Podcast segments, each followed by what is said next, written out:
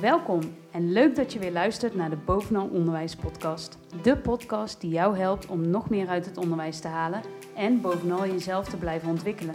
Wij zijn Tom en Christel, beide werkzaam in het onderwijs en altijd op zoek naar nieuwe inspiratie om onszelf verder te kunnen ontwikkelen. Wij maken jou graag deelgenoot van onze zoektocht en hopen je te kunnen inspireren om zelf ook op zoek te gaan naar jouw uitdagingen.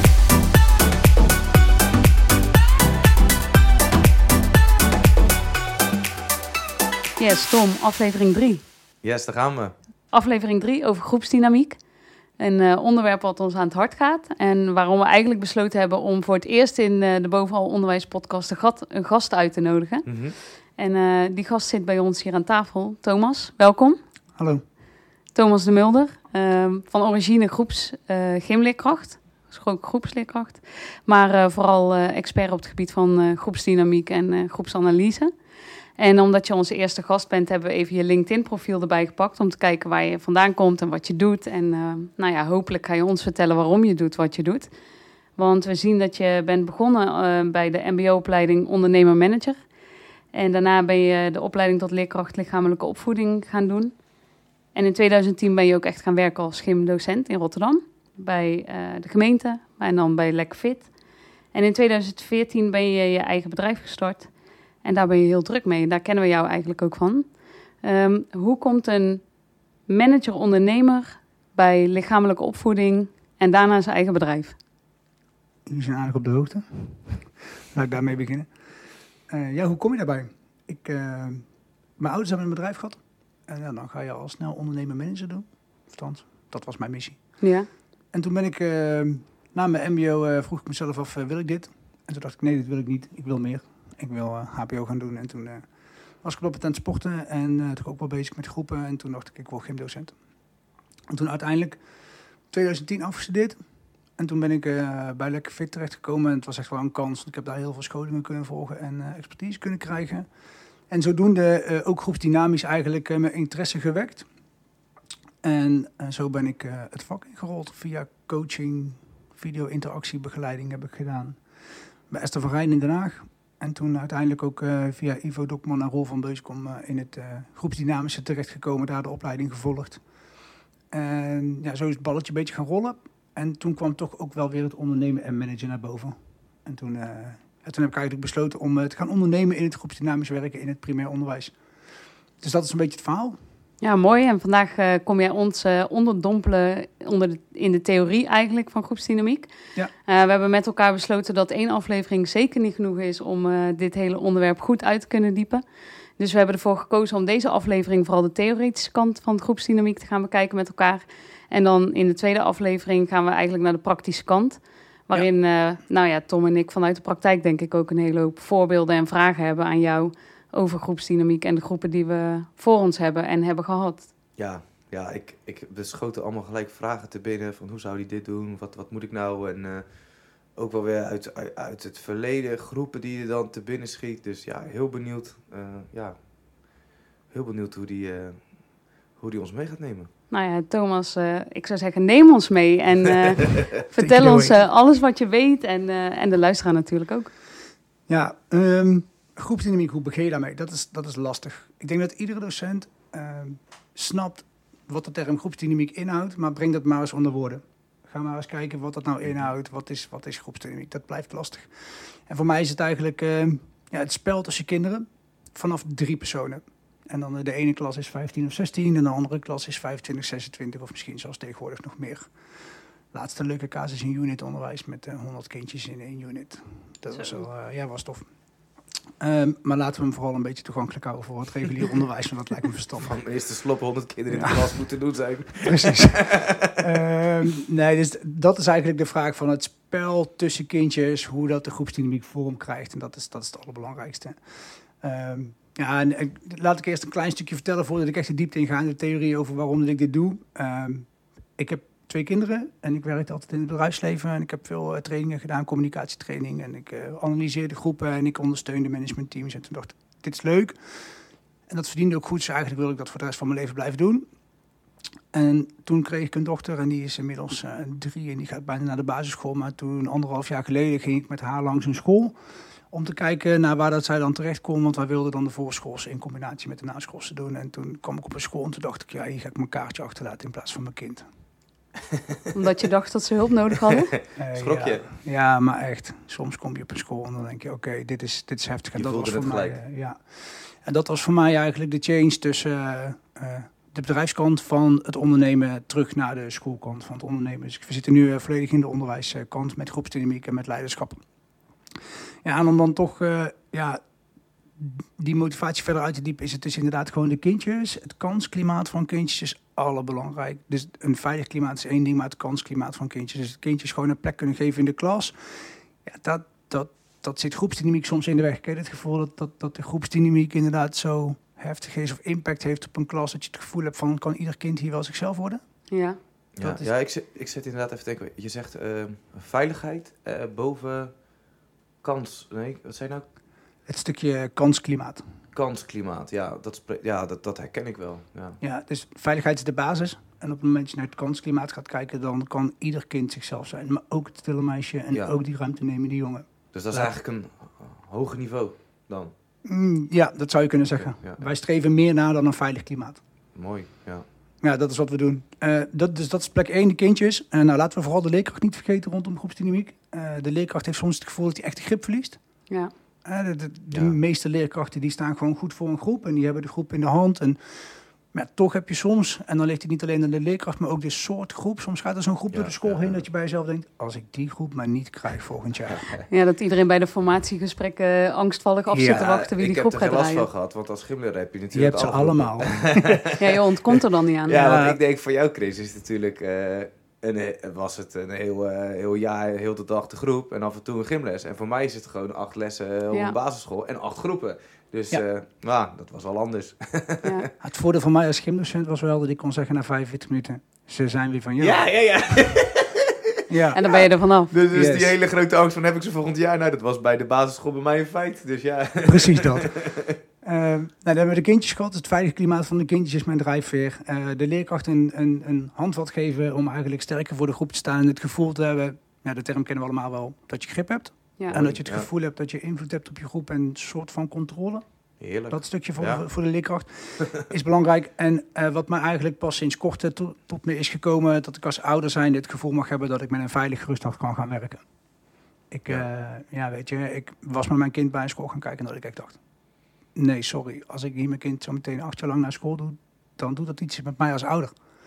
Dus Ja, ineens een hele andere kijk op de zaak. ja, maar echt. En dat was ook voor mij het motief om eh, te gaan verschuiven en eh, nou, mijn, business te gaan verplaatsen naar, eh, vanuit het bedrijfsleven. Ik heb nog steeds klanten die ik toen had en daar blijven we ook bij, denk ik, zolang ik gevraagd wordt, maar dat is nog steeds prima in orde. dus ja, vandaar drie, drie, drie motieven op drie verschillende lagen. Kindjes, leerkrachten en ouders en veilig voorgeven om de dynamiek te veranderen. Dat is voor mij echt heel erg belangrijk. Top. Eh, dus hoe, hoe dat je ook luistert als ouder of als misschien leerling of als, eh, want je zit zelf ook misschien nog wel eens in een cursusgroep, eh, of als leerkracht. Voor alle drie niveaus zijn we eigenlijk een soort van gaan zoeken van oké, wat is nou die veilige groep en wat is er nodig? En van die drie hoeken zeg maar belichten we groepsdynamiek. Ja, Mooi. top. Theoretisch kader? Graag. Ja, ga maar door. Mooi. Ehm, ja, we kennen, we kennen groepsdynamiek eigenlijk voornamelijk uit het onderwijs, uit het boek van de Gouden Weken. Ja, Ja, veel al bekend. Veel mensen Ik kennen dit. niet. Gouden weken? Ja, Gouden Weken, de eerste week van het schooljaar waarin je je groep vormt. Oké. En dat is een heel mooi boek over de Gouden Weken waarin die theorie helemaal uitgelegd wordt. En Ja. eh, ook allerlei activiteiten staan die je in die Gouden Weken kan doen. En dan heb Ja. je nog de zilveren weken daarna. Ja. Eh, eigenlijk met het idee om je groep te vormen en eh, nou ja, daar zo goed mogelijk een groep van te Oké, maken. oké.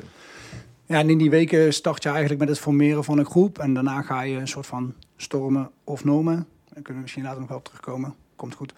Eh, dus dat zijn fases waar je doorheen loopt. Maar vanuit die gedachtegang dacht ik altijd van... oké, ik moet dus gewoon eh, formeren. Kijken wat er komt op me Mhm. afkomt. Dus ik krijg een nieuwe klas. Drie kwartier of misschien een heel schooljaar. Dan moet ik een bepaalde norm gaan bepalen.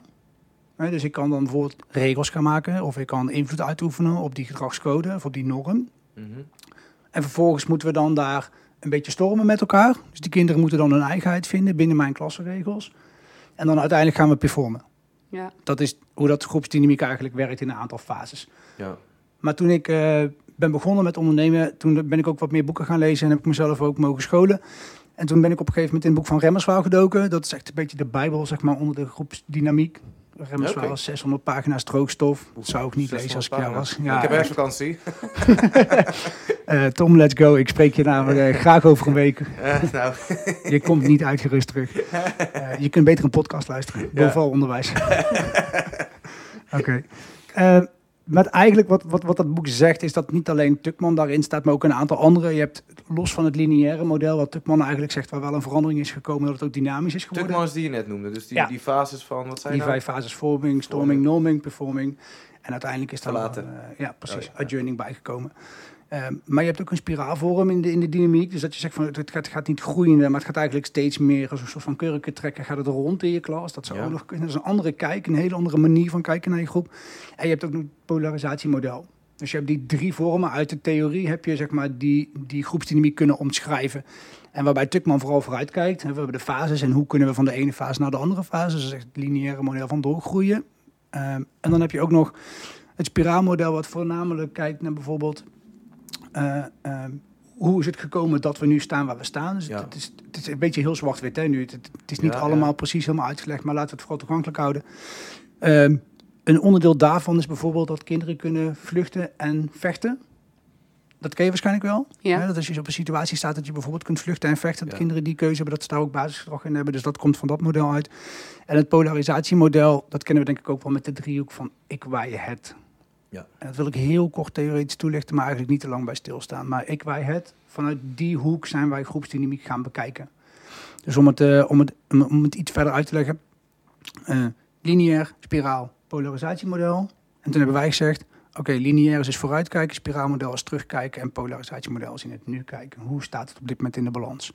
En dat betekent dus ook dat je eigenlijk tools krijgt om terug te kijken in de dynamiek, van waarom komt het wat er komt. Je kunt in het huidige kijken, dus van hoe, hoe staat het er nu voor? En je kunt vooruitkijken in het lineaire model van Tukman, van oké, hoe, hoe ziet dat stukje eruit? Zeg je dan dat ze naast elkaar zijn of spreken sommige modellen elkaar ook tegen? Of, Ja, de tegenspreken doen ze niet, maar er zijn verschillende psychologen en filosofen die daar Mhm. een mening over gevormd hebben. En dan zou ik vooral het boek lezen, maar dat is niet zo heel erg interessant voor nu. nee, dat gingen we niet doen. Precies. Eh, ja, en daarin zie je gewoon dat die drie zeker naast elkaar kunnen, maar verschillende mensen die bekijken dat vanuit een andere theorie. En waar voel jij het dan het fijnst bij? Want Ja, mooie vraag. Ehm, het fijnst voel ik me, of nou laat ik het anders zeggen. Wij hebben gezien dat ze alle drie belangrijk zijn. En in alle ja. drie zitten belangrijke facetten. Maar om het eigenlijk eh, goed toegankelijk te maken, zijn wij gestart vanuit het, mm, het TGI-model. Dus het, eh, het model waarin dat je eigenlijk het het van de gaat bekijken, de individuele leerling en het wij-component.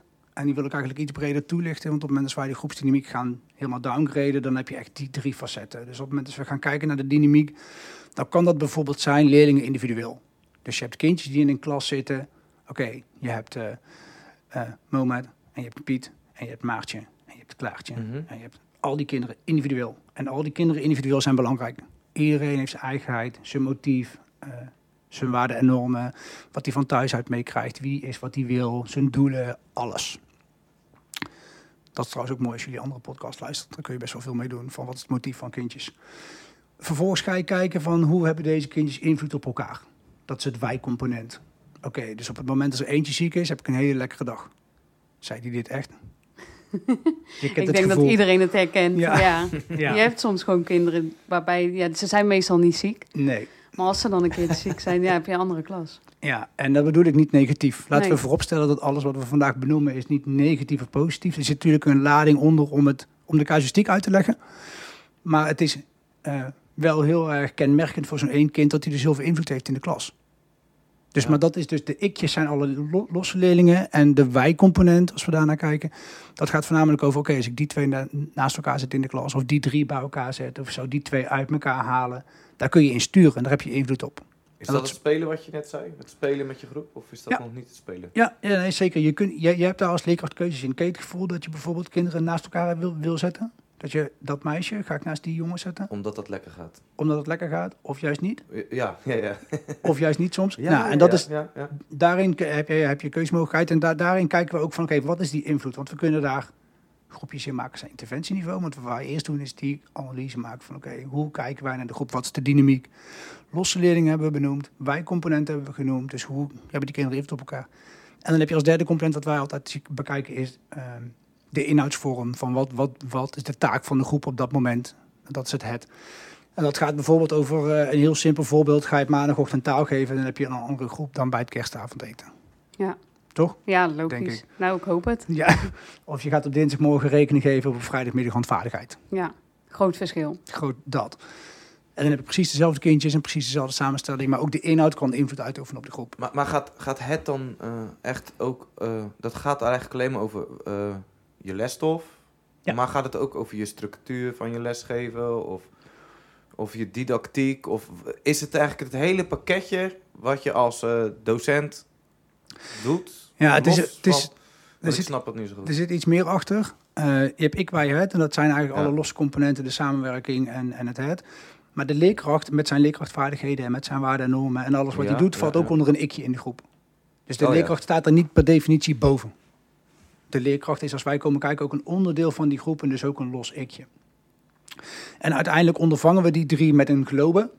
En dat is eigenlijk de omschrijving waar je, ehm, ja, wat, wat die complete groep zeg maar samenhangt.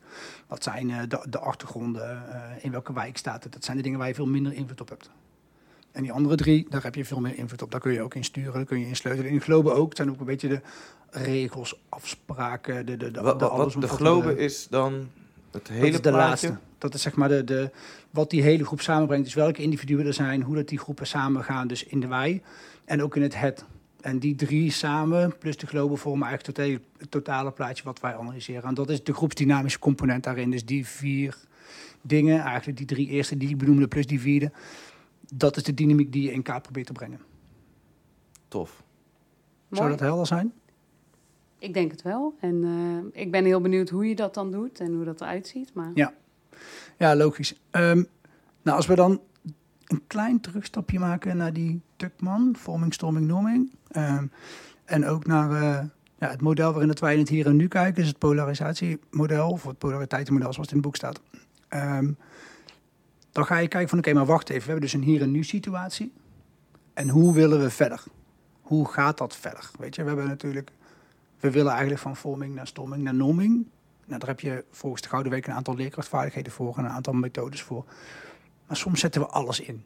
Soms gaan we keihard gas geven als leerkracht. Ken je dat gevoel? Dat je gaat interventies inzetten, regels gaat bespreken, gouden regels maken, samen met de groep autonomie geven.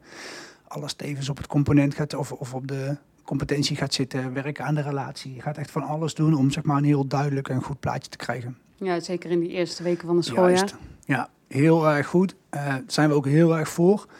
Want zonder dat heb je gewoon veel minder kans op een goede groep, zeg maar. Dus ga vooral dat soort dingen doen, want dat, daar ligt echt de basis. Tijdens die formatiefase gewoon doen wat er in die boeken staat, wat er gewoon staat. Want dat, dat, daar draait het om. Er zijn een heleboel boeken vanuit leerkrachtvaardigheden of vanuit grip of vanuit wat dan ook. Dat, en iedereen, denk ik, die deze podcast luistert, heeft daar kennis van. Ja. Ga die dingen doen. En doe ze niet omdat je ze moet doen vanuit je directeur. Maar doe dat omdat je dat zelf wil. En omdat je dus inderdaad gaat beseffen van, maar wacht even. Het heeft dus echt effect. Want dat weten we. En, en toch is het dan soms nodig dat je een groep hebt... waarbij je gaat zeggen van, oh maar wacht even. Ik heb alles gedaan wat ik heb gedaan. Maar ik denk dat ik iets moet inhuren om deze groep goed te krijgen. En dan krijg je een sofa-training, een rots- en watertraining. Of dan komen er allerlei van die interventies ingevlogen. Bij ons kwam die met de kerst. Nou, dan heb je het al mooi een half jaar volgehouden. Ja, de gouden weken waren al voorbij. Jazeker. Dus dat is, dat, dat is precies wat er gebeurt. Ja. Eh, op een gegeven moment heb je alles gedaan. Sterker nog, een aantal jaar geleden hebben we de switch gemaakt tussen wat meer naar de cijfertjes kijken en de CITO-kant. En toen zijn we de omslag gemaakt naar de sociaal-emotionele leerprogramma's. Kees van Overveld heeft daar een supermooi boek over geschreven, Cel. Ja. Oh, die ken ik. Die Ja. ik. Ja. Ja, supermooi boek. Ehm, en daar wordt eigenlijk het belang van die sociaal-emotionele tijd van de kinderen eh, eigenlijk blootgelegd. Van joh, wa- waarom ga je dingen doen? In welke leeftijdsfase doe je wat? En wat is het, wat is het doel eigenlijk van al die dingen die we hebben? Ik bedoel, je hebt de vreedzame school, je hebt de Kanja training, nou, zo heb je Kiva, je hebt Quink, je hebt een, heleboel van dat soort programma's. En ook daarvan zeg ik, los van de formatieweken, ga die programma's draaien. Weet je, doe die dingen. Ja. Ehm, even een heel simpel voorbeeld. Je hebt een summer body. Weet je, zo'n zo'n zo'n lichaam wat je wil hebben in de zomer. zeker. Die. Ehm, d- dat, dat kun je niet vanaf de meivakantie in twee weken doen. Je kunt niet zeggen, nou ik ga twee keer naar de Zeker niet in sportschool. de coronatijd. Juist. Toen had ik een coronabody. Maar dat is precies wat je doet. Eh, we verwachten dat op het moment als het, als het niet zo lekker gaat, of als we niet de summerbody hebben, dat ik een abonnement neem van de sportschool, nooit ga en in de zomer er wel lekker uitzie. Ja. Ja, sorry. Dat gaat hem niet worden. Juist, dat. Ja, ja, en, ja, deze vergelijking vind ik wel heel erg belangrijk om te maken. Eh, Zie je het veel? Dus, dus bij scholen eh, verwachtingen die eigenlijk helemaal niet kloppen? Of? ja, ik denk dat, dat wat wij doen, en we komen er zo meteen nog wel op als we een analyse komen maken per school, en als we echt zeg maar, die groepsdynamica in kaart gaan brengen, ja, dan merk je gewoon dat sommige leerkrachten gewoon niet de juiste formatieactiviteiten hebben gedaan, of niet de juiste celactiviteiten hebben gedaan. Of Wat voor? Eh, de formatieactiviteiten, dus de groene Ja. spelen, of, of, of de, de Oh, wat je in die samenwerkingsvormen. gouden weken doet? Ja. Oh, ja, ja. Maar bijvoorbeeld ook de celactiviteiten, dus de sociaal-emotionele leerprogramma's die je draait. En als, als je bijvoorbeeld gaat kijken naar een aantal grote programma's, die hebben echt wekelijks activiteiten helemaal uitgeschreven. Ja. Mhm. Maar er zijn ook programma's Ja, die dat zit dan bijvoorbeeld... ook in je lespro. eh, Ja, ja, ja, dat zit oh, in je ja, lesprogramma. Je hebt daar tijd voor gemaakt in je week Ja, of ja, in het moment. Ja, en dan, dan zie je gewoon dat sommige leerkrachten die doen dat wel, maar niet, niet om echt te kijken naar de kindjes en om ze echt sociaal-emotioneel verder te werken, maar omdat het op het programma staat. ja, dus dan stopt het eigenlijk een beetje na die gouden weken. Ja. Ik heb een programma gedaan, ik heb mijn groep neergezet. Mijn groep is top. Ja, maar jij zegt het is eigenlijk een proces wat het hele schooljaar doorgaat. Dat is een beetje zelfs met dat sportschoolabonnement. Dat doe je twee weken braaf. Daarna ga je met geld betalen en niet komen. En dan wel verwachten dat je in de zomer super mooi bent. Ja, Ja, heb je wel eens iemand gezien die dat kan? was maar waar. Ja, en dat is precies hetzelfde met groepsdynamiek. Met een Was het maar vals spelen aan de bolen kom je. Maar ja, dat gaat dit onderwijs Nee, zeker niet. Zeker niet. Want juist dat, dat is wel waar het om draait volgens mij. Dus Ja. dit, dit, is Je iets vals wat... spelen. Je moet Juist. gewoon eh, de lange termijn eh, voor ogen Dit moet, je, dit moet je wekelijks en soms zelfs vijf keer op een dag eh, voor ogen hebben. En hier moet je aan werken. Dit is iets Ja. een continu proces. En dan nog, je kunt niet alleen naar de sportschool, maar je moet ook je eetpatroon waarschijnlijk veranderen. En je zult meerdere componenten aan moeten pakken. En Ja. dat is met een groepsdynamica in de klas ook. Wij kunnen één keer komen en ik, ik kan je mooie dingen laten zien van je groep, maar zes weken later sta je er alleen voor. Ja, en dan val je weer terug of in oud gedrag. Of weet je, het paracetamolletje is uitgewerkt. Of uh, nou, er zijn gewoon bepaalde taken die dan gewoon die je vergeten of verslond. Dan denk je, van, nou joh, we doen zo meteen gewoon nog een, een ander traject of een andere interventie. Ja, dan komt het ja. wel weer goed. Ja, want het is dus niet zo dat als je geweest bent en een interventie gedaan hebt, eh, dat het dan stopt. Of dat het probleem binnen de groepsdynamiek dan opgelost is. Nee, nee, nee, Dan heeft hij het in kaart gebracht. Ja, alleen in kaart gebracht.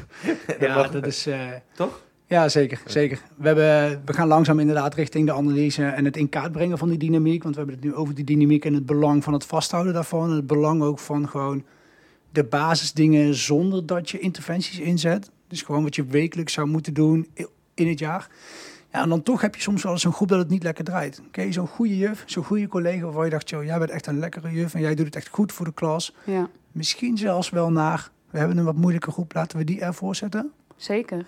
Ja, en dan toch kom je soms dat zo'n leerkracht echt alles heeft gedaan, maar dat het niet loopt. Ja. En dat je een hulpvraag hebt. Ja, en vaak denk je dan ook, hè, maar ik dacht toch dat het zo'n goede leerkracht was. Ja, en in, in, de kern is het ook een goede Ja, leerkracht. Sterker nog, ik heb het Ja. bij mezelf wel eens gedacht. Ik ben een goede ik dat leerkracht. ik het goed was en dan eh, Ja, ben ik het gewoon helemaal kwijt. Ja. Eh, eh, en ja, wat ik net al zei, je hebt natuurlijk heel de dag dan de groepen gehad. Maar dan, eh, dan, dan, dan ga je, vlieg je de volgende les in en dan hoop je dat het goed gaat. En dan is het wel weer een andere les, dus dat helpt dan wel een beetje. Maar ja, dat gevoel is wel een machteloos gevoel, moet ik eerlijk zeggen hoor. Ja, precies dit. Precies dit. En dit is ook de collega. Ik heb regelmatig collega's gehad. Ik heb heel wat scholen mogen werken inmiddels. Ehm, ik heb een aantal collega's gehad waar die ik echt hoog had zitten. En Mhm. ik was zelf zo'n ventje die mezelf ook hoog had zitten, zeg maar. Dus, en dan kwam ik voor de groep en dan kon ik het gewoon in één keer niet meer. En dan dacht ik, wauw, ik moet harder werken. Ik moet directiever zijn. Ik moet strenger zijn. Ik moet eh, meer Ja. gas geven. Ik moet Ja. meer controle pakken. Ik moet... Ja, het werkt gewoon niet. Ja, dan moet je nog meer gaan doen. Ik hoor het nu zeggen, de luisteraar. Ja, maar je bent... Nee. Ga het maar doen. Ja, En dan denk ik dat je jezelf de vraag mag afstellen. En dat, dat serieus. En degene die denkt dat je strenger of directiever moet zijn. Waar is je empathische kant? En waar is je zicht op kindjes? En waar is, wa- wanneer zie je die kinderen echt? Doe je dat vanuit de macht- en controlekant?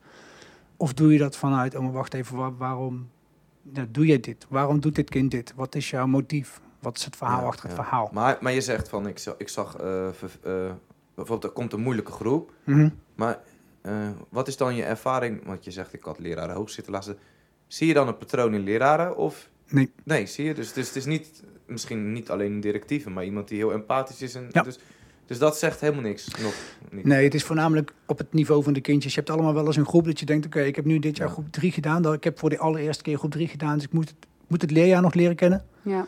Ja, oké, maar dan heb je voor het tweede jaar groep 3, voor het derde jaar groep 3 en voor het vierde jaar achter elkaar groep 3. En dan komt er in één keer een klas en dan kan je het niet. Nou, Ja, ligt het dus niet aan jou en ook niet aan het vak en ook Nee, niet nee, aan, nee. aan het jaar. Dus het het, eh, daar heb je dan na Daar drie jaar je- lekker door. Ja, het, gaat, het, het, het gaat prima Ja. en de ik-leerkracht gaat ook prima. Maar voornamelijk op die kindjes die dan komen. Oh ja, ja. En dat is dan de, dy- de dynamische factor in de waai. En dat is niet alleen de kindjes onderling, maar ook gewoon de kindjes in relatie met jou. Ja, waar dan gewoon een mismatch zit, waar de groepsbehoefte gewoon niet op het leerkrachtniveau ligt. Nou, dat, dat maakt het dan lastig en dat maakt het moeilijk. Wacht even, de groepsbehoefte ligt niet... Wat, wat bedoel je dan met de groepsbehoefte? Daar gaan we het zo over Oh. Thanks man. Goeie vraag. Goeie vraag. Eh, voordat ik het bruggetje ging maken naar de analyses, maar dit was wel mijn motief om op een gegeven moment na te gaan denken, oké, wacht even, ik heb nu een kindje en we gaan voor de groep. En ik merk aan collega's dat ze soms echt super goed lesgeven en aan een andere groep met de groep geen goed lesgeven, maar ze hebben wel die hele goede capaciteiten. Dus bijvoorbeeld van Teach Like a Champ score is gewoon super hoog in al die vaardigheden. En dat ik dan bij mezelf denk van, maar wauw, hoe komt het dan? Is die dynamiek dan echt zo belangrijk? Ik kan je vertellen, ja, die dynamiek is echt zo belangrijk. En dat, dat is wat ik op een gegeven moment in, eh, ja, eigenlijk 2018 voor mezelf een keuze heb gemaakt om, na een heel traject wat ik eh, bij Ivo en Roel heb gedaan, Ivo Dokman en Roel van Beuskom, dat ik heb gezegd van, oké jongens, jullie doen op een bepaalde manier dit. Ik ga dat verder uitbreiden en verder vertalen naar het primair onderwijs. En uiteindelijk is daar een product uitgekomen wat is gespecialiseerd voor groepsdynamica en primair onderwijs. En ik zeg niet dat het niet toepasbaar is in het VO, want er zijn genoeg mensen die dit in het VO doen. Is dat anders, denk je? Want jij hebt je gespecialiseerd in... Ja, ja dat is zeker anders. En daar kunnen we tijdens de volgende podcast zeker wel nog even vragen Ja. over beantwoorden, Ja, ja. inderdaad. Maar ehm, wat wij hebben gedaan is binnen het primair onderwijs die dynamiek zo goed in kaart kunnen brengen. Ook in relatie met, het. Met, met het leerkrachtgedrag. Want je hebt gewoon een leerkracht of twee leerkrachten. Of misschien in het huidige geval op dit moment met de huidige tekort drie leerkrachten. Als je pek Ik hoop hebt. het niet. De- Ja, kan dat? Ja. Eh, Ja. ja. in sommige gevallen zie je dat wel. Ja. Zeer onwenselijk, ook voor die groepsdynamiek. Ja. Eh, want maakt het denk ik alleen maar ingewikkelder. Nou, en dan is meteen het kleine bruggetje naar volgende week. In het VO heb je er acht of negen. Ja, Dat, dat, is- dat geeft een extra lading. Ja. Maar laten we hem vooral even op het primair onderwijs houden Ja, op dit ja, moment dan. Ehm, dan hebben we inderdaad is gewoon in het beste geval één of twee leerkrachten op een groep. Ja, dan heb je andere interventiemogelijkheden. Je hebt andere, andere mogelijkheden om die dynamiek te bekijken en ook met interventies te komen. En toen hebben wij gezegd van nou, in 2018 gaan we gewoon onze eigen analyse eigenlijk opzetten. En toen heb ik een product ontwikkeld wat die dynamiek in kaart kan brengen binnen 60 minuten. Eigenlijk heb ik het niet ontwikkeld, maar wel verder ontwikkeld voor het primair onderwijs. En na die 60 minuten ook in een gesprek met de leerkracht gewoon kan zeggen... oké, wacht even, dit is de groepsbehoefte, die, die analyseren we dan. Laten we die zo eventjes helemaal uitpuzzelen. Maar dit is de groepsbehoefte, dit is de leerkrachtkwaliteiten en capaciteiten. En zo kunnen we de juiste interventie aan raadplegen voor deze groep. Los van alles wat je al doet in de formatieweek en in, vanuit het socia- so- sociaal-emotioneel leren. Top. Dus dat is eigenlijk Maar dat, een, eh, een analyse. een uurtje. Ja, dat is het. Dat is het. Een uurtje kijken en dat Een uurtje kijken. Maar ja, dat is wel eh, met heel veel ervaring kijken natuurlijk. Ja, ja, zeker. Ja, maar wat, jij zegt een uurtje kijken. Wat zie jij dan anders eh, wat een, een, groep eh, leerkracht niet ziet? Want daar ben ik dan ook benieuwd naar. Ja, dat is een hele goede vraag. Ehm, ik denk dat de kern is dat de meeste... Laat ik hem niet op de leerkracht individueel toesplitsen, maar bijvoorbeeld op een sociogram. Of een, want die brengen ook groepsdynamica. Sorry, een groepsdynamica in kaart. Ehm, maar op het moment dat je een groepsdynamica in kaart brengt, hangt daar vaak een context aan. Dus bijvoorbeeld eh, interacties in een groep. Of bijvoorbeeld vriendschap in een groep. eh, bijvoorbeeld goed samenwerken in een groep. Ja. Of bijvoorbeeld pestgedrag in een groep. Maar je ziet bij de verschillende eh, eigenlijk sociogrammen zie je altijd dat er een bepaalde context aan hangt. Of een vragenlijst of een bepaalde manier van werken. En ik denk dat die in de kern heel goed zijn. Hetgeen wat alleen heel moeilijk meetbaar is met een vragenlijst is macht en invloed. Kinderen verwarren macht en invloed ook vaak met vriendschap. Dus op het moment dat ik macht heb over iemand, dan ervaart die ander dat vaak ook. Ik heb vriendschap met hem. ja. Terwijl dat hij denkt, nou je bent mijn vriend niet. Maar ik heb je gewoon nodig. Ja. ge- En dat laat ik dan voelen. Heb jij daar een voorbeeld in je hoofd? Of Chris, als jij denkt van... Nou ja, ik heb zeker wel kinderen in mijn klas gehad ook. ehm, waarvan ik denk dat ze veel macht hadden. En ehm, misschien is het ook een beetje uit angst. Als iemand veel macht heeft, dan wil je daar graag vrienden mee zijn. Want dan Ja. ehm, dan word jij geen slachtoffer Ja, van die zeker. macht. Dus ja, Ik weet niet, is het heel bewust dat zo iemand met veel macht zoiets heeft van je bent mijn vriend niet? Nee, ik denk dat het belangrijker is dat we eh, even van, van A naar B gaan. Dus het is, het is een hele heldere vraag. Hè? Doen, Ja. doen mensen met macht dat bewust? Maar laten we eerst kijken dat we iemand met macht vinden. Ehm, en dan gaan, komen we hier daarna zeker op terug. Hoor. En mocht ik het niet meer doen, dan eh, hoor ik het graag. Eh, als je gaat kijken naar een analyse, dan heeft het inderdaad te maken met macht en invloed. En je hebt personen in je klas met heel veel macht. En je hebt personen in je klas met heel, veel, met heel weinig macht. Of zoals wij het dan noemen, invloed. En invloed is namelijk niet zozeer positief of negatief, maar invloed is gewoon, invloed is er. Soms zie je een kind door de gang lopen en dan weet je gewoon, oké, Ja, ja, ja. wat doe jij? Ja. En dat, hij triggert jou.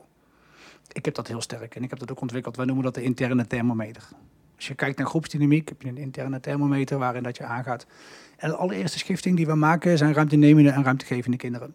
Dus Is dat is dat dan hetzelfde als macht en invloed? Ruimte Nee. geven, nemen? Of? Nee, het zijn twee verschillende dingen. Oh. Eh, invloed eh, kun je zowel hebben ruimtenemend als gevend. Dus dat betekent dat je gewoon Ja, invloed ja. hebt in een ander. Dus bijvoorbeeld eh, iemand die heel veel Tommy Hilfiger kleren draait. En een dag later heb je heel veel Tommy Hilfiger kleren in de klas. Of iedereen heeft een Barcelona shirtje. En een dag later hebben ze allemaal een Barcelona shirtje. Dat is invloed, maar daar hoef je niet per se ruimte te nemen of te geven. Ja, ja. Dus de eerste shifting die wij maken is eigenlijk, los van invloed, daar komen we zo meteen nog op, is ruimte nemen en geven. Dus op het moment dat wij in klas komen kijken, komen analyseren, gaan we eerst kijken, ruimte nemen en ruimte geven. Van wat doen die kinderen nu? Dat kan natuurlijk niet als je achter in een klaslokaal zit. Eh, want dan heb je tafeltjes en stoeltjes en dat werkt niet zo. Dus als je een groepsanalyse eigenlijk afneemt bij ons, dan werkt het als volgt. Wij nemen de leerkracht mee naar een gymlokaal. De leerkracht gaat zitten aan de zijkant en ik zeg tegen haar, join de club, zit op je handen en kijk wat ik doe. En dan of een van mijn trainers inmiddels. Dan doen we eigenlijk een analyse van de groep in een uur tijd. En dan maken we die shifting tussen ruimtenemers en gevers door ze in een bepaald arrangement te stoppen. En ik kan hier lang kletsen over het arrangement, dat is denk ik niet zo heel spannend. Het gaat erom dat ik een, in de gymzaal groene activiteiten gebruik, spelletjes gebruik om te kijken wat is nou de norm van deze groep. En wie doen dat en hoe gedragen ze zich. Want ik wil weten wie die ikjes zijn, hoe dat ze in de wijpora reageren en hoe dat, dat stroomt met elkaar. Dus hoe gaat die invloed? Wie heeft er meer te zeggen over wie? Dus je kunt bijvoorbeeld denken, voor de gymdocent onder ons, je speelt bijvoorbeeld een kat-en-muis-stickertje. En je hebt tien gele staarten en één blauwe. Wie pakt die blauwe? En op zich zegt dat niks, maar het geeft wel voor mij een plusje. Van waarom wil jij die blauwe? Of waarom, als je tikkertje speelt en je zegt tegen de kinderen, er ligt een tikstok in het midden van de zaal. Wie de als eerste de tikstok heeft, is de tikker. Dat is best een ri- riskant arrangement. Maar het geeft mij wel inzicht in wie competitief is, wie die tikstok wil pakken. Oh ja. Gaat ja. er een gevecht gaande? Ja, want je zal ook kinderen zien die denken, ja boeien, Later. laat maar liggen. Ja, ja. Later. En, en Ja. misschien als je één dingetje, denk je, oké, wacht even, dit is één dingetje. Maar als het nog een keer is en nog een Ja. keer, toch? Is dat wat Ja, je zegt? Als je dat dat, is het stapelt inderdaad. het zich eigenlijk op en dan ga je iets Ja. zien. En wat ga je dan zien? We hebben een bepaald arrangement gemaakt van drie activiteiten en twee gespreksrondes. Want ook de gesprekjes met kinderen zijn heel belangrijk omdat je er andere signalen krijgt. Ook bij het binnenkomen. Ik bedoel, niet iedereen is gym, even tussen aanhalingstekens, vaardig. Wij doen zeker niet alleen gymactiviteiten, maar ook juist de spelen waarin dat iedereen Mhm. zichzelf kan zijn en juist het basisgedrag kan vertonen. We noemen dat activiteiten met ho- hoge wederkerigheid. Is niet zo spannend voor nu, maar daarin hebben kinderen elkaar nodig. Dus je moet reageren op elkaar, wil je die activiteit kunnen doen. Nou, dat geeft mij inzicht in hoe ga jij reageren. Is dat ruimtenemend of is dat ruimtegevend? En hoe zit dat spel in elkaar? Nou, als we dan een analyse maken en de leerkracht zit aan de zijkant te kijken, laten we het ook zien. Ik zeg tegen die, kijk eens wat er gebeurt. Dit is wat er gebeurt, dat is wat er gebeurt. Dit kind doet dit, dat kind doet dat. En dan kan de leerkracht dus ook vrij kijken zonder dat ze staat te zweten voor de klas van, oh jee, mijn klas wordt bekeken, maar doe ik het zelf wel goed. Dus je kletst terwijl die, in die tijd ook met de... Eh, als daar ruimte voor is, Als, ja. eh, als het geen... eh, Beetje Juist. afhankelijk van de groep. neem je Ja. ook bijvoorbeeld op? Voor film of zo? Nee, nee AVG-proef nemen we eigenlijk niks Ah, meer oké, op. oké. Want dat zou ook... Ja, zeker weten, maar AVG-proef nemen wij AVG? niks Oh, meer ja, op. ja, ja. Nee, doen we niet. Maar die Eh, leerkracht houdt dus ook geen orde op dat moment. Eh, Die zit er echt bij en die kijkt ernaar. Kun jij je beseffen dat je als leerkracht graag orde wil houden op zo'n moment? Ehm, sterker nog, ik heb in die positie gezeten. Eh Jazeker. Wat- Jij, Ja. Hebt, jij hebt daar gezeten? Ja, in de tijd dat Ja. ik als leerkracht voor de klas stond, Mhm. eh, had ik een groep samen met een duo-collega destijds. Ehm, Ja. Dat was zo'n groep die eigenlijk niemand wilde draaien. En waar dan van gezegd werd, gaan jullie het maar doen. Ehm, nou, wat Thomas zei, al die activiteiten gedaan, gouden weken, alles erop en eraan. Maar we merkten gewoon, het loopt niet. En toen eh, eh, heeft Thomas zo'n groepsanalyse gedaan. Voor mij is dat echt een kwelling Ja. als leerkracht. Zit. En zit luister. en doe niks en kijk. ja. Als de luisteraar Christel een beetje kennen uit de eerste twee afleveringen en misschien de komende, ik Ja. denk het wel, dan gaan we merken dat Christel dat lastig vindt. ja, heel lastig. En ook bij die groep. Want ik... Ja, ja, als dat nou dat. Ik, ja, dat kan ik niet uitleggen. Maar ja, je voelt je verantwoordelijk, maar ook vanuit het stukje orde houden en, en ehm, zorgen dat het oké blijft in die groep. Maar ja, op dat moment was het nodig om te kijken hoe komt het nou dat Wat het zo gebeurt ontstaat. Dus ja, heel lastig. Ik, eh, Ja, ik weet hoe het voelt. En die leerkracht gaat dan, eh, ja, terwijl die daar kijkt, die ziet dat. En, en jij bent met die kindjes bezig. Je hebt het, even kijken, over ruimte wie, Nemen en in die spelletjes. Ruimte nemen, ruimte geven heb je het over gehad. Ja. Eh, je, je noemde ook even een norm of iets. Van, Ja. Ja, de leerkracht zit aan de zijkant, dat is belangrijk en wij gaan met die klas aan de gang. We gaan ruimtenemers en gevers bekijken en vervolgens Ja. gaan we kijken, oké, welke kinderen nemen er zoveel ruimte dat ze ook invloed hebben? Of welke kinderen nemen er misschien zo weinig ruimte, maar toch invloed hebben? Dat we kunnen zeggen, jullie zijn bepalend voor de norm. En kinderen, sommige kinderen die zie je lopen in de klas, die denken, oké, jij hoort er echt bij in deze groep, maar je bent niet zozeer bepalend voor de sfeer in deze groep. En sommige kinderen zie je en dan denk je, wow, jij bent wel bepalend voor de norm. Nou, en kinderen die wel en niet bepalend zijn, die schiften we dan ook meteen. En dan gaan we kijken, oké, wie is er bepalend voor wat er gebeurt in deze klas? En in de vragenronde stellen we wel eens de vraag, wat moet je doen om erbij te horen? Ja. Oh Ja. ja. En dan, dan, dan zeggen ze vaak, ja, je moet goed luisteren naar de leerkracht. Ja, ja dat is goed, denk ik dan. wenselijk. Ik ga Eh, nog even een nieuwe doorvraag stellen. En dat Ja. was heel grappig bij die betreffende groep. Want die zeiden dat niet. En het eerste antwoord was, je moet een grote bek hebben. Ja, Dat zal ik nooit vergeten. Zeiden ze dat Ja. letterlijk? Ja. Ze hadden Thomas eigenlijk nog maar vijf minuten gezien, één activiteit gedaan, denk ik. Ja. En de vraag was, moet, wat moet ik hier doen om erbij te horen? En er was er gelijk één die riep, je moet gewoon een grote bek hebben. En toen schrok jij. Nou, toen dacht ik wel, Dat- zeggen ze dit nu echt? dat wist ze wel. Haar, Ja. bu- haar buikgevoel zei, ik moet harder en strenger lesgeven. Oké. ja. Ehm, en kinderen misschien op een andere manier leren zien of, of kunnen kijken op dit moment. Maar dit zeiden ze echt. En zo, zo, zo krijgen we van sociaal wenselijk tot super buitensluitend, tot heel heftig, krijgen we antwoorden op die vraag. En meerdere vragen die we op dat moment stellen. Maar dan krijg je het op een presenteerblaadje, de norm. Van, hey, eh, Oeh, dat is niet altijd zo. Nee, hè? Kijk, ik ga Oh. er nu vanuit dat het eerste antwoord het, het de norm is, zeg maar. Ja. Dus je moet, je, je moet een grote bek ophouden Ja, ja. en dan hoor je er in deze groep bij. Maar het is niet altijd waar. Soms krijg je een Nee. sociaal wenselijk antwoord of misschien een beetje een ja, shield. Een soort van basic antwoord. Van, als we nu dit zeggen, dan ziet hij de echte norm in de groep niet. En dat is ook wel een verschil. Eh, de norm die we dan zien, kan namelijk bepaald worden door de normdrager. Dan gaan we weer een stapje verder in de analyse. We gaan op zoek naar ruimte nemen geven. Waar, wa- waar zit de invloed in die groep? En daarna kijken we van, oké, wie is daar voor, voor verantwoordelijk? Het is vaak een groepje van vier, vijf kinderen. Wij noemen dat een uitdragend comité van de norm. Dus normbepalend zijn die kinderen. En dan zit daar vaak een leider op. Of iemand die zeg maar de dienst uitmaakt. En in sommige gevallen is dat een strijder. Waarbij je echt het gevoel hebt van oké, jij bent dat. Jij doet dit. Jij, eh, jij bepaalt hier. Als invalleerkracht, ik weet of er iemand luistert die echt invalleerkracht is, die komt morgen in een groep of overmorgen of wanneer dat je deze podcast luistert op de eerstvolgende lesdag. En je komt bij je invalgroep, je kent die kinderen niet en je denkt na vijf minuten, jou moet ik in de gaten houden. Ken je zo'n kind? Ja. Ja, die. Dat zijn vaak de wat meer strijdende kinderen. Kinderen die opvallen, kinderen die met jou een beetje openlijk het gevecht aangaan. Ook iets makkelijker, want die zie je meteen. Ja, dit het door. Het is, ja, zeker weten. Ehm, maar als wij dan verder kijken, dan kijken we niet alleen maar naar strijders. Want dat zijn, zeker in iedere groep zitten strijders. Maar we kijken ook verder van, oké, heb je dan wel die volledige invloed? En ben je wel de normbepaler of de normdrager? En dan is het wel zaak om te gaan kijken van, oké, wacht even. Ben jij het niet? En wat is het dan wel? Wat zit daaronder? Nou, dan hebben we ook nog wel iemand die wat minder opvalt. We noemen het ook wel een stratege. In het boek van Ivo van Rol staat het heel mooi beschreven, al die, eh, al die termen. Het boek Ik in de Wei trouwens, eh, ik weet niet of het al genoemd was, maar eh, eh, ja, dat is gewoon eh, een heel overzichtelijk, een heel duidelijk boek over hoe dat je een analyse kunt maken. En eh, ja, naar aanleiding daarvan hebben wij gezegd van oké, die termen gaan we tot op dit moment overnemen. En nu zijn we aan het kijken of we het ook nog anders kunnen doen. Maar dit is een beetje de basis waar wij vanuit werken. Ja, en dat is, dan heb je dus de, de strateeg. En die is dus niet strijdend, maar die probeert het strategisch. Nou, en het woord zegt het al, dat zo'n kind dat een wit voetje bij je gaat halen. Dus die doet ook dingen op bepaalde momenten dat je denkt, zo, dit is aardig, dit is handig. Ga jij maar even doen wat je doet. Instructiemomentje. Stel je voor, je bent instructie aan het geven tijdens je klas. Achterin de klas liggen werkboeken en die ben jij vergeten. En je denkt bij jezelf tijdens je instructie, kak, die ben ik vergeten. De meeste leerlingen zien dat niet aan je. Maar dat ene strategische meisje snapt jouw blikken, je ogen en die denkt, ik ga de juf helpen. je hebt daar niet om gevraagd. Dat meisje staat op, loopt naar de werkboeken, pakt die van tafel. En jij denkt bij jezelf, zo, dit is handig. Doe maar. Let's go. Dat meisje deelt al die boeken uit. Maar wat ze eigenlijk in jouw klas brengt, is de norm waar we het net over hebben gehad, die ik dan ga zoeken in die les. Ik bepaal het zelf wel. Ik ben behulpzaam voor de juf, maar dat doe ik op mijn manier. Dat doe ik op mijn eh, wijze. En dat doe ik op het moment dat de juf daar niet om heeft gevraagd.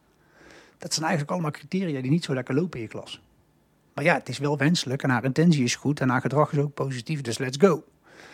Maar als zij eigenlijk gas geeft op die norm, ja, dan zijn er ook kinderen die misschien minder subtiel zijn en die dat niet zo goed snappen. Ja, en dan krijg je jongetjes in de klas of meisjes in de klas die die norm gaan overnemen op momenten dat het niet geplaatst is. Ken je zo'n kind dat gaat, gaat, gaat plassen zonder iets te vragen? Dat gewoon zo je lokaal uitloopt? Ja, midden in je instructie. Die. Ja, en dan gaat hij ook gewoon weg. En dan draait hij zich ook om en hij, wat heb ik gedaan dan als hij een waarschuwing krijgt? Want hij denkt bij zichzelf, ja, ik doe hetzelfde als wat andere kinderen ook mogen in jouw klas. Oh, die gaat het vergelijken. Zo van, nou, ik... eh, Ja. ja. Kinderen doen dat niet bewust. Dat is een beetje dezelfde vraag als die Chris net stelt. Hè. Doen kinderen bewust, gaan ze bewust op die berg zitten? Gaan ze bewust leiderschap tonen? Gaan ze Mhm. bewust invloed uitoefenen? Nee, dat is niet bewust. Kinderen doen dat niet. Maar dat is een proces, dat is die dynamiek waar kinderen zich niet altijd bewust mee bezighouden, maar wat wel altijd speelt. Ja, en dat is ook hetgeen wat dan gebeurt in jouw klas. Die dynamiek van ik bepaal het zelf wel, komt in de groep. En kinderen die daar minder tactisch voor zijn, gaan dat overnemen. En die gaan bepaald gedrag vertonen. En jij bij jezelf denkt, maar dit kan niet. Hier heb ik misschien zelfs wel een beetje last van. Ja, dat is gewoon dan het spel wat daar gebeurt in de groep. En dat is, dat is ook hetgeen wat wij dan gaan bekijken. Dus we hebben nu inmiddels hebben we ruimtenemende kinderen in de klas. We, hebben, we gaan kijken wie dat de norm bepalend is. En uiteindelijk zien we ook een kind wat daarvoor verantwoordelijk is. En Ja. soms is een kind de normdrager, Mhm. waarvan dat jij denkt van ja, maar dat kan helemaal niet. Want hij of zij is super positief. En toch gaan wij dan in gesprek met die leerkracht en laten we ook in die les zien met die activiteiten, in die gespreksrondes van ja, maar kijk eens wat dat meisje nu doet en kijk eens wat het jongetje nu doet en kijk eens wat hij of zij nu doet. Ja. En dan geef je inzicht aan de leerkracht in wat kinderen doen. En, en dan komen er dan meerdere normen uit. On, ja, je ontkomt er niet aan, want het klinkt toch gewoon als gedrag wat je ziet. ja, Maar klopt. eh, ja, dan komen er ook meer normen uit zo'n moment, toch? Of ga je daarin shiften? Of Ja. ja. misschien zijn bij bepaalde normen meer kinderen gevoelig. Of hoe... Ja.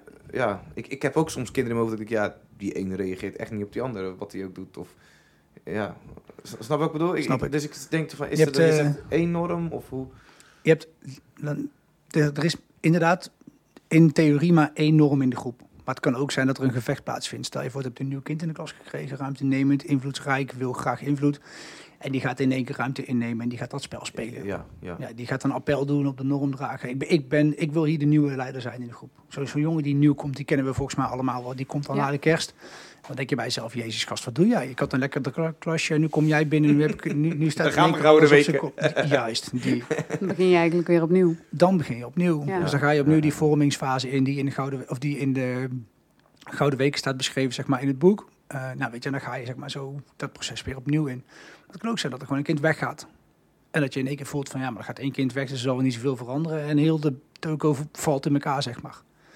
Dus dat, dat gaat over die bepalende kinderen bovenin. En dat is er ook altijd maar eentje. Tuurlijk kan het een gevecht zijn, dan is er niet. Dan is het echt een stormfase voor de normfase, zoals we dat lezen in het boek. Ja, dat is prima dat het gebeurt, maar je moet er als leerkracht wel over nadenken van wat wil ik en heb ik de capaciteiten in mij om dat proces om te draaien. Dus dat ik ga normeren in plaats van dat ik de stormfase ga afwachten.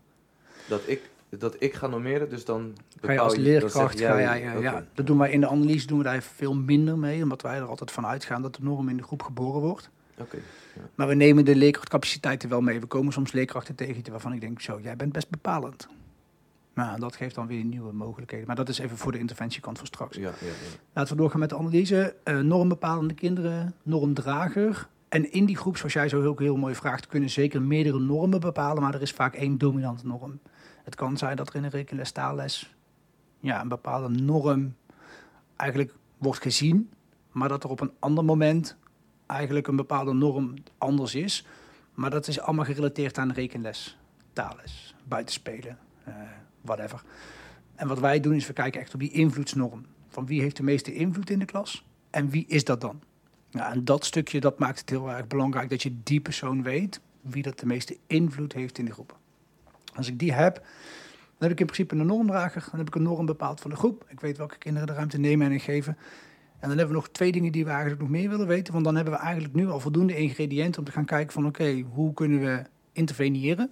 Want we hebben de bepalende kinderen in beeld, maar er zijn nog twee componenten heel belangrijk. We kijken niet alleen naar normbepalende kinderen, maar ook naar lastkinderen. Je kunt je voorstellen, zo'n meisje wat alleen over het schoolplein loopt, zo trippel trippel, wat het liefst tijdens de weekbeurt nog even in het lokaal blijft, iets langer, wat niet helemaal op haar gemak is in de klas. Ja, die kinderen, dit, daar voel je bij, voel jij je wel oké in deze groep. Happy. Veilig ook ja, veilig. Ja. Ja. dat. Die vallen onder die ondergrens uit. Waarbij je echt wel denkt, oh, wil ik dit? Is dit oké in mijn klas dat een kind daar zit? Ja. Ja, dat is wel een hele belangrijke vraag om je dan af te vragen.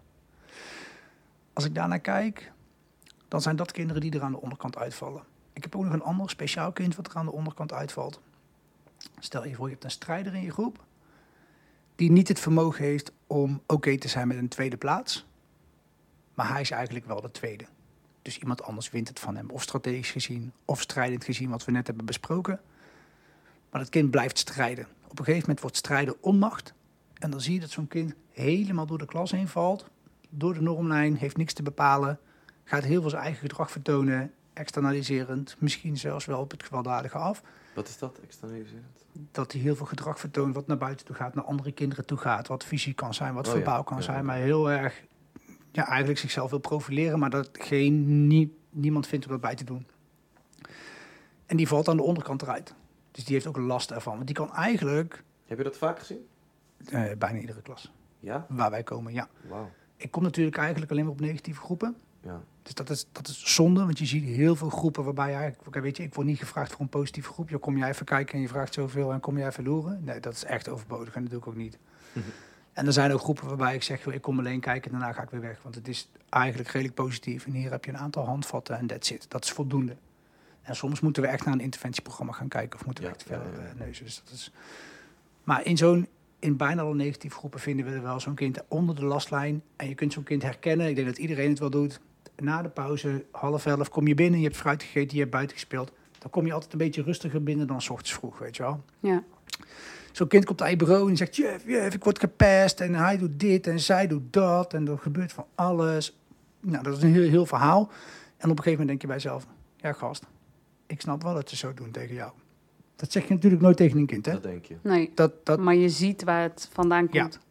Jij denkt bij jezelf, ja, als ik zo word behandeld, zou ik het ook niet relaxed vinden. Ja. Je bent gewoon niet goed bezig. Je, de manier van praten, de manier van, van uitdagen, de manier van invloed willen krijgen. Het strijden eigenlijk dan, toch? Het strijden Eigenlijk is inderdaad. het gewoon strijden. Ja, precies. Dus Ja. Dat, dat denk je bij jezelf, oké, maar wacht even. Ik heb wel last als leerkracht van hem.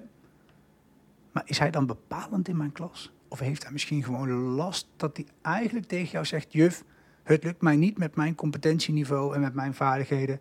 om te aarden in deze groep en om mezelf te zijn. Dus ik heb van thuis uit of van een bepaalde eh, intern of extern motief geleerd... dat ik, ik kan dat nog niet. Ik kan nog niet rustig blijven om mijn emoties onder controle houden ik ga ander gedrag vertonen om maar te laten zien dat ik er ook ben. Ja, dan krijg je zo'n vechtend, slaan, schoppend kind waar je super veel last van hebt als leerkracht, maar wat eigenlijk tegen jou zegt, juf, help mij. Ja. Nou, super heftig. Dat zijn wel de heftige gevallen. ja, zeker. En ook moeilijk te herkennen, denk ik. Dan is het fijn dat je hulp hebt Ja. van zo'n analyse. Ja, vaak worden wij gevraagd voor dat soort kinderen. Ja. Maar wij weten inmiddels dat als je een analyse doet, dat je moet interveneren aan de bovenkant en niet aan de onderkant. Want je wil zo'n kind kan je bijvoorbeeld hele programma's geven. Rots en Water is volgens mij een hele bekende. Ik ben zelf ook eh, getraind Rots en Water programma of eh Rots en Water trainer. En dat doe ik ook nog steeds, want er zit heel veel waarde in. Ik denk dat het een heel goed interventieprogramma is, net zoals een heleboel andere. En we leren dan een kind inderdaad om of iets meer rots of iets meer water of whatever te leren om ermee om te gaan. Ja, ja, ja. Maar wat ik ook weet vanuit de groepsdynamiek is dat zo'n kind dat in zo'n externe zaal of in zo'n extern programma wel kan. Maar op het moment dat het kind weer terugkomt in zijn eigen oude omgeving met zijn oude patronen, is dat zo'n kind vaak ook weer terugvalt in oud gedrag. Omdat hij in diezelfde groep terugkomt. Juist met hetzelfde appel van dezelfde norm. Dus dat maakt het gewoon heel erg belangrijk dat je een kind inzicht geeft van hé, maar wacht even, je kunt hier wel vaardigheden aan vastplakken, maar je stopt zo'n kind wel terug in zijn oude situatie. Ja, dat maakt het gewoon soms wel eens heel erg vervelend dat zo'n kind dan toch terugvalt, ondanks dat je weet ik veel hoeveel geïnvesteerd hebt in een bepaald kind, dat je bij jezelf denkt van ja, is dit handig? Ja. Dus dat is, eh, dat is lastig. Ehm, het laatste stuk wat ik wil vertellen over ehm, de analyse die wij doen. We hebben nu dus de bovenkant gehad en de onderkant. Is in het middengedeelte zitten eigenlijk alle kindjes die gewoon aarden in deze groep met deze norm. Die gewoon oké zijn, zeg maar. Die, die, die accepteren dat het zo is. En die er ook niks aan gaan doen. En dan heb je ook nog, ik ga even twee hele komieke karikaturen eh, deelnemers omschrijven uit deze groep. Je hebt twee meisjes die samen continu op het klimrek zitten. Maar die doen ook alles samen. Die lopen samen naar de wc als het kan. Dat mogen ze niet, maar dat zouden ze het liefst doen. Ja, Die pakken samen hun jas, die zijn samen te laat. Die gaan samen op het klimrek lopen. Die lopen ook met z'n tweeën een beetje om het schoolplein heen, zo'n rondje. Omdat ze er niet helemaal bij horen. Maar ze hebben elkaar. Dat noemen we een pairing of duo. Een pair is samen, is een paardje. En of is eigenlijk van de groep weg. Dus dat betekent dat Ja. je met z'n tweeën eigenlijk een beetje van de groep verwijderd bent. En dat is in de kern natuurlijk niet zo goed. Want je wil dat iedereen bij die groep kan horen. Maar eigenlijk willen deze kinderen niet voldoen aan die norm die daar ligt. Omdat het of een vervelende norm is of iets wat ze niet willen of niet kunnen. Dus wat ze doen, die zoeken die veiligheid bij elkaar. Nou, dat is een heel belangrijk gegeven. Straks ook voor de interventie kom ik op terug. Je hebt ze niet alleen in de meisjesvorm, om ze even heel zwart-wit weg te zetten, maar natuurlijk ook in de jongensvorm. Er zijn twee jongens, die lopen buiten, die zoeken takjes en steentjes, die maken een toetsenbord en die worden later uitvinder. ja, Oké ze? ja. Ja. Ja, een beetje van die eenzame zielen. Zeg Ja. En die vinden elkaar. Ja, En dat is ook heel goed, want alleen zouden ze allebei onder die lastlijn verdwijnen. Ja, Dus het is heel fijn dat je je veiligheid kunt vinden bij zo iemand. Ik heb zelf heb ik een maatje van mij, Wouter heette die vroeger op, de, op het VO. Ik zat op eh, VMBO basiskader toen de tijd. Ehm, en dan ben ik ooit begonnen. En toen had ik Wouter. Dat was voor mij ideaal. Want ik kon niet voldoen aan die norm. Dus ik had een pairing of duo nodig, want anders ging ik onder de lastlijn. En dat wilde ik niet. Dus ik had een maatje. Dat noemen we pairing of. En dan heb je eigenlijk zo'n volledige analyse voor de leerkracht gemaakt. Dus je hebt een eh, groep wat bepalend is, eh, met een normdrager. Je hebt de grote middengroep. Je hebt aan de onderkant de lastkinderen die of eh, last zeg maar, voelen vanuit een wat meer zielig karakter, om het even zo te omschrijven. Of je hebt lastkinderen die het wat meer vanuit een strijdende karakter doen, zoals jij net zo mooi omschreef, Tom. Die kinderen die gewoon continu maar strijden, omdat ze eigenlijk meer ruimte willen, maar dat niet krijgen en daar last van ervaren. En je hebt de pairing of kindjes. En dat is eigenlijk een volledige analyse. En dan ga je in gesprek met de leerkracht. Yes. Is het helder tot nu toe? Zeker. Ja, ik, ik- volgens mij wel. En volgens mij heb je een heel mooi filmpje ook van hoe zo'n eh, analyse eruit ziet. Hè? Dus die zullen we op onze website plaatsen. Dan kan iedereen het nog eens rustig terugkijken in Ja. anderhalf minuut. En dit allemaal doe je dan in dat uur. Ja, dit is te doen in anderhalf of ja, in een uur. En twijfel je vaak? Of hoe, want hoe ga ik... Ja, want je, Ah, je zegt vraag. wel iets concreets van... Hé hey, Ja. jongens, eh, eh, dit is de... Ja, er zit, hoe ga je met je twijfel om? Ik ben toevallig laatst op een basisschool geweest in Breda. En daar twijfelde ik en daar heb ik gewoon gezegd, luister, ik wil een keer terugkomen. want ik weet het gewoon nog niet helemaal zeker. En dat was ook wel logisch, want eh, ik kwam in de derde week van het schooljaar. En Oh, vrij vroeg. Ja, vrij vroeg inderdaad, maar ja, de nood was hoog. En toen was ik in gesprek met die leerkracht. Toen zei ik, joh, ik voel het een en het ander, maar ik weet nog niet wat het is. En dan dat, precies dat gesprek vorm bij de eerste en tweede activiteit. Ga je met de leerkracht in gesprek. Ga je zeggen, joh, wat, wat zie jij en wat zie ik en klopt dat wat ik zie? En ben je het daarmee eens, wat vind je ervan? En zie je dezelfde dingen? Dus dan ga je het even checken. Niet zozeer dat ik wil checken bij de leerkracht wat zij ziet, want zij kijkt anders, maar wel Anders, kloppen mijn eerste aannames, zeg maar. Ja. Ja, en dan kwam- ging ik in gesprek en toen kwam ik erachter dat met de zomervakantie ze twee nieuwe leerlingen had gekregen. Die heel ruimtenemend waren ingesteld, die allebei veel invloed wilden vergaren. En er zat een meisje in de groep met een strategische kracht die dat eigenlijk niet wilde. Maar zij was één meisje van haar. We gaan een beetje de term in, kan dat? Jazeker. Oké. Als Dus het niet kan, dan vragen we het wel. Oké. Er zat één meisje, ja, ik merk dat als ik hierover ga praten, dat ik altijd meteen de stof in ga, sorry. Eh, maar er zat één meisje, wat de oude strateeg was, zeg maar de normdrager van de groep. En die had iemand uit haar uitdragend comité verloren, dus uit die, uit die normbepalende kindjes. Ja, die volledige dynamiek, die lag overhoop. En na drie weken was het nog niet gesetteld. En het was echt nog een, echt een storm. Ja. Ja, en toen zei ik, ja, ik heb een aanname en we gaan ook een interventie plegen op dit moment. Maar ik wil over twee weken heel graag terugkomen om te checken of dat het allemaal klopt. Dus dat, dat gebeurt zeker. Dat je, Ja, dat ja. je het niet in één keer haalt. Is dat het moeilijkste voor jou in de analyse? Wat? Ehm, het stukje de wie is de normdrager, de echte normdrager of de. Wat vind je dan het moeilijkste? Waar loop je het? Wat vind je het spannendst of het moeilijkste analyseren eh, in zo'n analyse? Het spannendst in een analyse. Ik denk dat het spannendste in een analyse is dat je met een open mind iedere les in moet kunnen gaan. Ik ben iemand die snel een aanname doet. Mhm. en een snelle mening heeft. En dat komt me heel vaak goed uit. En dat zit ook vaak juist, merk ik tegenwoordig. En Dat gebeurt op een gegeven moment steeds beter. juist. Maar dat betekent wel dat je op een gegeven moment ook een blinde vlek krijgt. Ja. Ik weet niet of je Wie is de Mol wel eens kijkt. In de tunnelvisie. Nee, Zeker. nee. Ja, ja. Is de mol? Nee. Ja, nou, dan heb je een tunnelvisie zeg maar, op één iemand. En En als je daarin belandt, Ja. dan kost het vaak iets meer moeite om daaruit te komen. En dat is het allerbelangrijkste tijdens een analyse. Dat je continu een uur lang blijft checken. Klopt het wat ik heb gezien? Dus kloppen de symptomen? Ik heb nu twee, drie signalen gekregen. Ik heb er op een gegeven moment tien gekregen. En toch klopt het nog niet helemaal. Ja, en als je dat voelt, dat het niet helemaal lekker zit... dan is het niet zozeer spannend om daarvan af te stappen. Want dat kan ik inmiddels. Maar het is wel continu die open blik houden in het begin. Ja. Want er is één kernvraag die heel erg belangrijk is. We hebben op een gegeven moment de norm van de groep bepaald. En we hebben dan ook een aanname van de normdrager van de groep. Ja, en dan is het gewoon kijken of dat matcht. Dat is eigenlijk, het klinkt nu heel simpel, maar dat is misschien wel het allermoeilijkste. Ja, je hebt een bepaalde norm van de groep. En kan, dat, kan die ene leerling die jij nu als potentieel normdrager hebt bestempeld... kan die verantwoordelijk zijn voor die norm? Klopt dat met zijn interne norm? Klopt dat met die individuele norm van dat kind? En als dat te, te matchen is en als dat te ruim valt... dan doen we een aanname. Dan gaan, dan gaan we verder checken. En dan uiteindelijk komt daar ja, die analyse uit. Ja. Ja, ja. Super mooi. Ik ben ook wel nieuwsgierig naar die praktische kant daarvan. Maar die gaan we in de tweede podcast gaan we die, eh, verder belichten. Hoe ziet dat er dan uit? Hoe ziet het er in je Ja. groep uit? Ja. En nou ja, welke ervaringen hebben wij die we bij jou eventjes eh, willen toetsen? Is er nog tijd voor een kleine cliffhanger? Wat er wel mogelijk is of niet? Zeker weten. Ik denk namelijk dat leerkrachten die nu luisteren denken... wauw, deze analyse wil ik voor mijn klas. Ja, Ehm, maar dat is nog heel erg lastig. Eh, ik, als ik dit verhaal vertel, hoor ik die vraag namelijk vaker. Maar dat is gewoon heel erg lastig. Ik wil graag drie dingen opnoemen die je morgen zelf kunt proberen... en waar je nu een vraag over kunt stellen. Er zijn drie knoppen waar je aan kunt draaien als leerkracht. En we gaan in de volgende podcast zeker uitgebreid in op allerlei vragen die we krijgen via de online eh, kanalen. Maar ook gewoon die jullie zelf al hebben, denk ik. Want volgens mij zit je nu al te luisteren dat je bij jezelf denkt... wauw, maar ik wil die leerling even checken. ja. Gaan we doen. Ehm, maar drie dingen die je morgen al zelf kunt doen en die je nu jezelf kunt afvragen.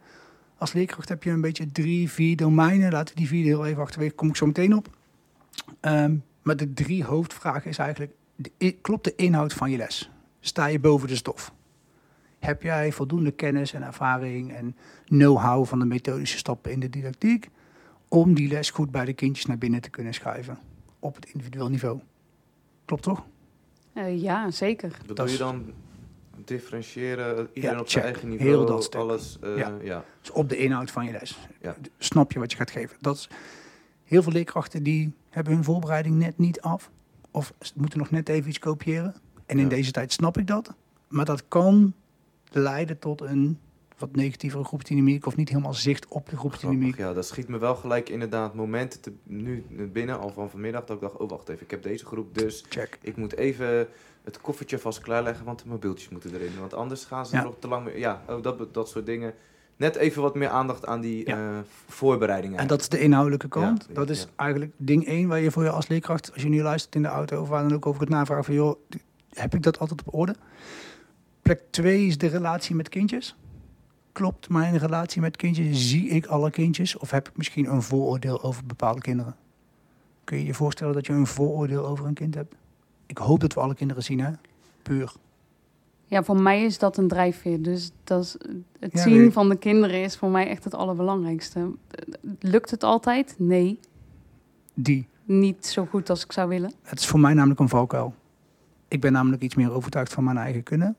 En dus denk ik, als je maar gewoon luistert, dan gaat het goed komen. Ja. Maar daarmee zie je kindjes in mijn lesgeefkarakter of in mijn lesgeeffunctie te weinig. En in mijn Ja. analysefunctie natuurlijk niet, want daar moet ik het. En dat doe ik het en dat, dat is de passie die ik op dit moment heb gevonden. Maar in, mij als, in mijn docentschap, wat ik nog steeds twee ochtenden in de week doe, wat ik heel erg belangrijk vind om met je Mhm. voetjes in de klei te blijven, eh, is mijn relatie met kinderen soms te zwak. Snap je? Ja. Dus daarin kun je een keuze maken van ga ik die kinderen echt zien. En als laatste zijn de procedures, kloppen die? Ben ik consequent in mijn verwachtingen? Ben ik consequent in mijn regels? Kloppen mijn regels? Zijn ze positief geformuleerd? Gebruik ik ze vier ten opzichte van één?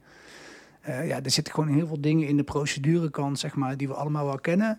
Waarin dat we dan misschien toch terugvallen op basisgedrag. eh, waarin dat je gewoon niet altijd lekker op kinderen Ja, ja. reageert.